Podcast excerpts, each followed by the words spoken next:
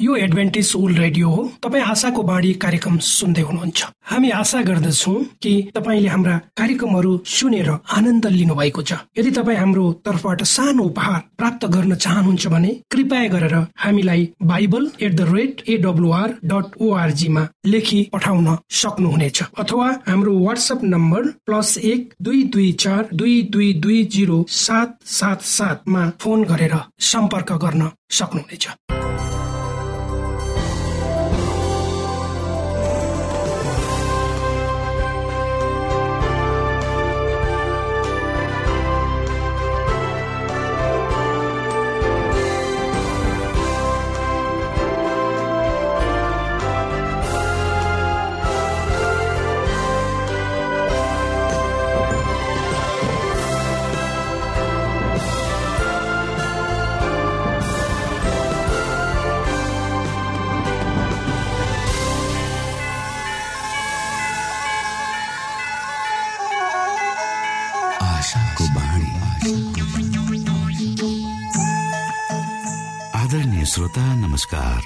समय तपाईँ Adventist world रेडियोको प्रस्तुति भोइस अफ होप आशाको बाणी कार्यक्रम सुन्दै हुनुहुन्छ। कार्यक्रम प्रस्तुता म रवि यो समय तपाईँको साथमा छु। भनिएको छ पापको कारण मानिसका हृदय जन्मेदेखि दुष्टतातर्फ ढल्किएको हुन्छ।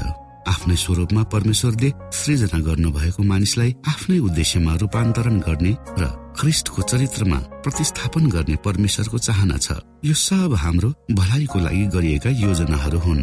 श्रोता के तपाईँ यो भलाइको कार्यक्रममा परमेश्वरलाई सघाउन चाहनुहुन्छ? प्रभु यीशु ख्रिस्ट हृदयको ढोकामा उभिएर ढकढक्याउँदै हुनुहुन्छ।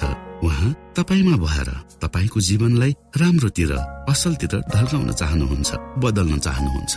आशाको बाणी कार्यक्रमलाई नियमित सुनेर परमेश्वरको चाहनाको महत्वलाई बुझेर बाँच्नुको महत्वलाई यहाँले बुझ्नु सक्नुहुनेछ भनेर हामी विश्वस्त छौ। आउनुहोस् फेरि तपाईँले न्यानो स्वागत गर्दै हाम्रो कार्यक्रमलाई सुनिदिनु हुन अनुरोध गर्दै यो मिठो भजन यहाँ सामु राख्दैछु।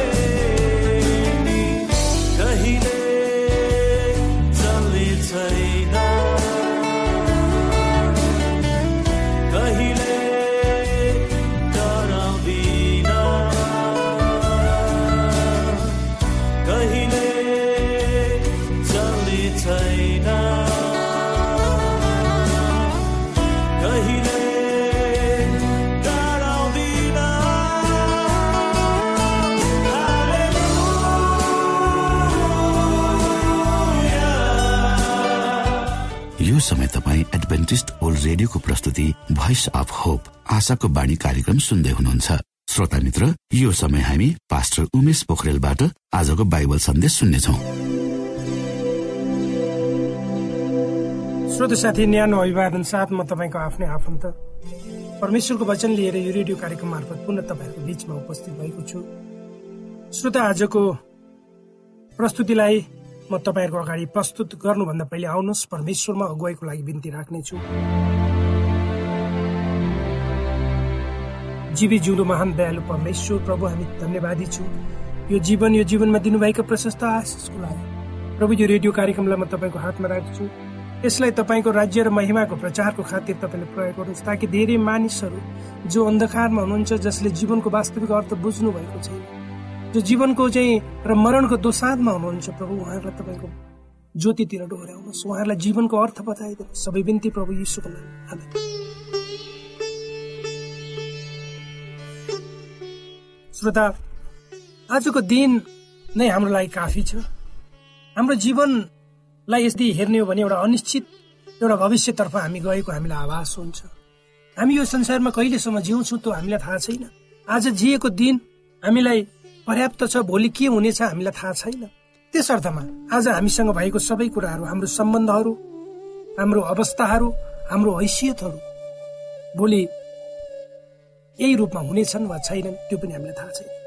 भोलिका दिनमा हाम्रा सपनाहरू जोडिनेछन् वा टुट्नेछन् त्यो पनि हामीलाई थाहा छैन। अनि हामीले अरूलाई बाँधेका बाचा पूरा गर्न सक्ने हामी छौँ वा छैनौँ? हाम्रो निम्ति कसैले बाँधेका बाचा वा आशालाई पूरा गर्ने छन् वा छैनन् त्यो पनि हामीलाई थाहा छैन। किनकि समय परिस्थिति हाम्रा किनकि समय परिस्थिति हाम्रा सपनाहरू हाम्रा सम्बन्धहरू सबै अनिश्चित छन्। वास्तवमा भन्यो भने हामी एउटा अस्थायी संरचना हौ। हाम्रो जीवन एउटा अस्थायी हो हाम्रो सोच एउटा अस्थायी हो हाम्रो क्षेत्र र कार्य दिशा पनि एउटा अस्थायी छ श्रोता। तर खुसीको कुरो यो छ कि सबै कारणको बावजुद पनि हामी मानिसहरूले हाम्रो जीवन भोलिको जीवन चाहिँ एउटा सही हुन्छ सफल हुनुपर्छ भनेर चाहिँ हामीले आशा राख्नुपर्छ र सबै मानिसहरूले राख्ने गर्दछ। किनकि सबै मानिसहरूको मनको अन्त कुनामा एउटा यही विश्वास रहेको हुन्छ। एउटा एउटै एउटा यही एउटा आशा रहेको हुन्छ त्यो के हो भन्दा भोलि तेरो भविष्य उज्जवल छ। तैँले देखेका सपनाहरू पुरा हुनेछन् र सबै कुराहरू ठिकठाक हुनेछ यदि आजको दिन खराब छ भने आजको परिस्थिति प्रतिकूल छ भने भोलि त्यस त्यही परिस्थिति त्यही प्रतिकूल परिस्थिति भएर तैँले गुज्रिनु पर्दैन भनेर एउटा तपाईँ र मेरो अन्तस्करणमा एउटा आशाले गचगचाइरहेको हुन्छ। एउटै यही एउटा सकारात्मक सोचको कारणले मानिसलाई सधैँ जीवनमा अघि बढाइरहेको हुन्छ श्रोता। हामी यही सोचको कारणले हाम्रो जीवनमा हामी सकि नसकी सङ्घर्ष गर्दै लड्दै उड्दै परिश्रम गर्दै हामी अगाडि बढिरहेका हुन्छौँ। जुन मानिसले भोलिका दिनका सम्भावित नकारात्मक नतिजालाई आजै सम्झिएर आफ्ना पाइला अगाडि बढाउन घर मराउँछ त्यसले सोचे जस्तो नतिजा प्राप्त गर्न सक्दैन। अर्थात् त्यो मानिस जीवनमा सफल हुँदैन। तर जसले परमेश्वरको जसले परमेश्वरमा भरोसा राखी भोलिको दिनलाई परमेश्वरमा छोडिदिन्छ र सकारात्मक सोच राखी आफ्नो जीवन यात्रालाई अगाडि बढ्छ आफ्नो कर्तव्य गर्छ उसैले वास्तविक जीवनको अर्थलाई बुझेको हुन्छ। श्रोता मलाई अनि तपाईँलाई सबैलाई थाहा छैन। भोलिको दिनले हाम्रो निम्ति के बोकेर आउँछ? कस्तो परिस्थिति ल्याउँछ? अनि एउटा अनि त्यसका नतिजाहरू कस्ता हुनेछन्? तर मेरो आफ्नो तर्फबाट यही भन्न सक्छु कि यदि मेरो भोलि दिन शान्तिमा बित्यो म परमेश्वरप्रति कृतज्ञ हुनेछु। र यदि मेरो भोलिको दिन आधी र बतासमा गुज्रियो भने पनि म परमेश्वरको सामर्थ्यमा भर पर्नेछु अनि निश्चय नै परमेश्वरले मलाई पार लगाउनुहुन्छ। श्रोता जीवन एक आरोह र अवरोह हो। जहाँ पाइलै पछि अनिगिन्त्यौं मानिसहरू भेटिन्छन् अनि ती मध्ये कतिसँग हाम्रो मित्रताको सम्बन्ध गाँसिन्छ भने कोही एकसँग जीवन सङ्गिनी वा जीवन साथीको नाता पनि घाँसिन्छ। जसलाई हामी अलि विश्वास गर्दछौँ अति विश्वास गर्दछौँ। आफ्ना सम्पूर्ण हृदयका कुरालाई बाँड्छौँ। ती साथीहरू अनि ती जीवन सङ्गी हाम्रा भोलिका जीवनका आँट र भरोसा बन्दछन्। हामी आशा र विश्वास राख्दछौँ कि यिनले हाम्रो कुभलो चिताउँदैनन् तर यथार्थ यही हो कि तिनले हाम्रो भोलिका दिनका निम्ति सफलताको कामना गर्न सक्दछन् सरसल्लाह दिन सक्छन् आँट भरोसा अनि पनि भन्न सक्छन् तर भोलि हुने कुरालाई उनीहरूले पनि टार्न सक्दैन। जुन तितो सत्य हो मानिसमाथिको भरोसा मानिसमा नि गएर टुङ्गिने अर्थात् त्यसले एक एक पटक कतै गएर निश्चय नै नराम्ररी के हुन्छ? त्यो टुट्नेछ वा लड्नेछ हरेक मानिसमा कमजोरीहरू छन्। मानिसले चाहेर वा नचाहेर परिस्थिति बदल्न सक्दैन तर परिस्थिति अनुसार मानिस आफै बदलिन भने सक्दछ। यो परमेश्वरको महानता हो। उहाँले चाहे हरेक परिस्थितिलाई बदल्न सक्नुहुन्छ। श्रोता पवित्र धर्मशास्त्र बाइबलमा राजा दाउदले आफ्नो भोलिका दिनका भरोसाको रूपमा परमेश्वरलाई औलाउँदै यसो भन्दछन्। निश्चय नै तपाईँको भलाइ र करुणा मेरो जीवनभरिमा पछि लाग्नेछ र परमप्रभुको घरमा सदा सर्वदा बास गर्नेछु। भजन सङ्ग्रह तेइस चार यहाँ निश्चय नै यहाँ यहाँ निश्चय शब्दले दृढ भरोसालाई संकेत गर्छ राजा दाउद एकदमै निर्धक्क हुनुहुन्छ कि राजा दाउद एकदमै निर्धक्क छन् कि परमेश्वरको दया करुणा आफ्नो जीवनमा सदा सर्वदा बसिरहनेछ। जसले भोलिको दिनको नतिजा निश्चय नै राम्रो हुनेछ भनी उनी ढुक्क भएको हामी पाउँ त्यसै गरेर पवित्र धर्मशास्त्र बाइबलको भजन संग्रहको पुस्तकमा अगाडि यसो भनिएको छ तपाईँका वचन मेरो गोडाका बत्ती र मेरो बाटोको निम्ति उज्यालो हो राजा दाउदको परमेश्वर प्रतिको यो विश्वास ज्यादै अनुकरणीय छ? भनिन्छ बिहानीले दिनको संकेत गर्छ त्यसैले त आजको दिनले भोलिको संकेत गर्दछ। जो मानिस परमेश्वरको विश्वस्तमा बढ्दछ। उसको निम्ति भोलिको दिनको बाटो अन्धकार हुँदैन र हुन परमेश्वरले दिनुहुन्न। किनकि उहाँका गहिरा र रहस्यमय वचनले हाम्रा गोडाका निम्ति बत्ती पनि अगाडिको बाटोलाई प्रकाशमय तुल्याएका हुन्छन् अनि हामी हरेक बाधा अडचनलाई सावधानी पूर्वक पन्छ्याउँदै गन्तव्यमा पुग्न सक्छौ अगाडि भनेको छ तपाईँका वचनहरू मेरा जिब्रोमा अति स्वादिष्ट छन्। मोह भन्दा पनि मेरो मुखमा ती बढी मिठा छन् भजन सङ्ग्रह एक सय उन्नाइसको एक सय तिन जहाँ एकले अर्काको वचनको लाज राख्दछ। त्यहाँ मात्र विश्वास अनि प्रेमको सम्बन्ध स्थापना हुन्छ। यदि हामी परमेश्वरसँग नजिकको सम्बन्ध स्थापना गर्न चाहन्छौँ भने उहाँका नियमहरू उहाँका मार्ग दर्शनहरू उहाँको अगुवाईलाई मनन गर्नुपर्छ। उहाँका वचनद्वारा तर्किन खोज्नेले वास्तवमा नै परमेश्वर को हुनुहुन्छ बुझ्न सक्ने अवस्था नै रहँदैन त्यसै गरेर हेर हामी हेर्न सक्छौ राजा दाउद भजन सङ्ग्रहमा भन्छन् तपाईँका वचन मेरो जिब्राको निम्ति स्वादिष्ट छ यति स्वादिष्ट छन् कि ती महभन्दा पनि मिठा छन्। के तपाईँले परमेश्वरको वचनलाई चाख्नु भएको छ श्रोता? चाखेर हेर्दा उहाँको वचनलाई राजा दाउदले जस्तै मिठो भेटाउनु भएको छ। जसलाई तपाईँ बारम्बार खान चाहनुहुन्छ कृपया चाखेर हेर्नुहोस्। किनकि त्यत्तिकै होइन तर मलाई पार गरेर हेर। मलाई चाखेर हेर भनी परमेश्वर आफै भन्नुहुन्छ ताकि उहाँको वास्तविक स्वादलाई थाहा पाए हामी राख्न सकौँ अनि विश्वास गर्न सकौँ। घोलिएको पानीमा नुन घुलिएको वा चिनी थाहा पाउन पहिला चाख्नै पर्दछ।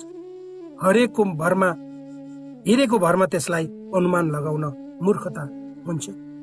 त्यसैले राजा दाउदले परमेश्वरको वचनलाई आफै चाख्ने क्रममा ज्यादै मिठो भेटाउँछन् र जसलाई उनले प्रतिदिनको भोजन बनाउने निर्णय गर्दछन् जसले भोलिका दिनमा जिउन अनि हरेक कठिनाईसँग लड्न तागत प्रदान गर्दछ भनेर उनी भन्दछ म सूर्योदय हुन अघि उठेर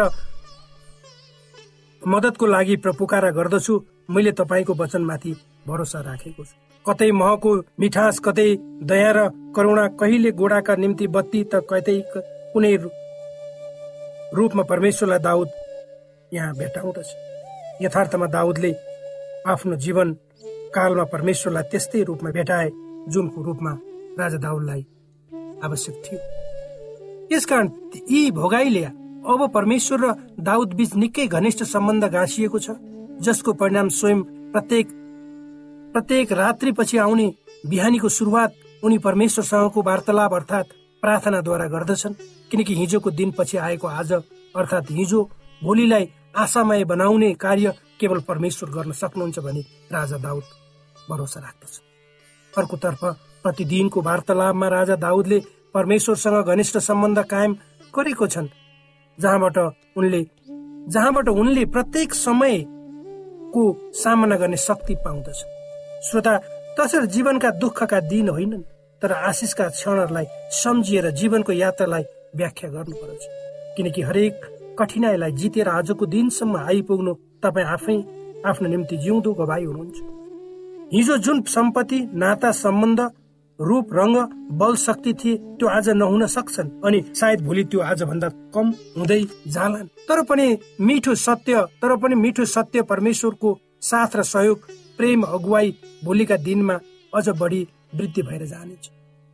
यदि हामीले भरोसा गरी माग्यौँ भने कृपा हामीले जीवन पर्यन्त पाउनेछौँ। तब भोलिका दिनका निम्ति डर होइन तर नयाँ आशाका पालुवा त्यहाँ पलाउनेछन्।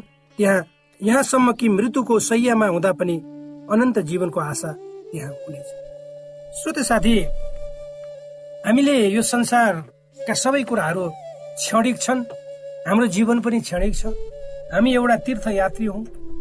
एउटा क्षणिक यात्राको क्रममा यो पृथ्वी भएर गुज्रिरहेका छौँ। र हामीले संसारमा भएका कुनै कुरामा पनि भरोसा गर्नु हुँदैन। भरोसा हामीले गर्यौँ मानिसमा गर्यौँ हामीसँग भएको धन सम्पत्तिमा गर्यौँ हामीसँग भएको कुराहरूमा हामीसँग पद प्रतिष्ठामा हामीसँग भएको चाहिँ ज्ञानमा गऱ्यौँ भने हामी चाहिँ एक दिन लड्छौँ। तर हाम्रो सारा भरोसा परमेश्वरमा हुनुपर्छ भनेर आजको प्रस्तुतिमा हामीले व्यक्त गर्ने कोसिस गर्यौँ यदि तपाईँ यस विषयमा अझै जान्न चाहनुहुन्छ परमेश्वरको अगुवाई तपाईँको जीवनमा होस् भनेर चाहनुहुन्छ भने कृपया गरेर पत्र व्यवहारको ठेगानामा हामीलाई लेखेर पठाइदिनु भयो भने हामी तपाईँहरूसँग सम्पर्क गर्नेछौँ। तपाईँको दिन शुभ रहोस्। परमेश्वरले तपाईँलाई अगुवाई गर्नेछ श्रोता भर्खरै यहाँले पास्टर उमेश पोखरेलबाट बाइबल वचन सुन्नुभयो।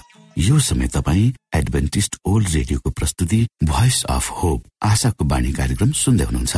कार्यक्रम सुनेर बस्नुहुने सबै श्रोतालाई हामी हाम्रो कार्यक्रममा स्वागत गर्न चाहन्छौ।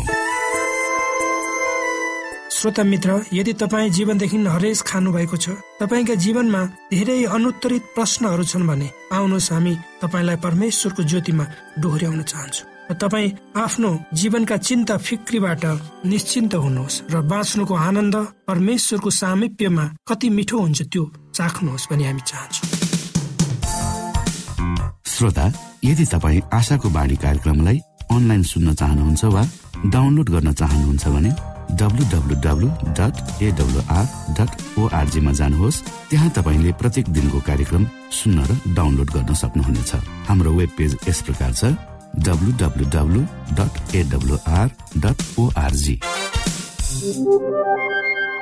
श्रोता यदि तपाईँ हामीसित सिधै फोनमा सम्पर्क गर्न चाहनुहुन्छ भने हाम्रा नम्बरहरू यस प्रकार छन्। अन्ठानब्बे एकसाठी पचपन्न शून्य एक सय बिस। अन्ठानब्बे एकसाठी पचपन्न शून्य एक सय बिस। र अर्को अन्ठानब्बे अठार त्रिपन्न पन्चानब्बे पचपन्न। अन्ठानब्बे अठार त्रिपन्न पन्चानब्बे पचपन्न। श्रोता साथी न्यानो क्रिस्टी अभिवादन। म पास्टर उमेश पोखरेल। आज तपाईँहरूको बिचमा एउटा मार्मिक कथा लिएर उपस्थित भएको छु। यो कथा एउटा बाबा र छोरीको विषयमा छ।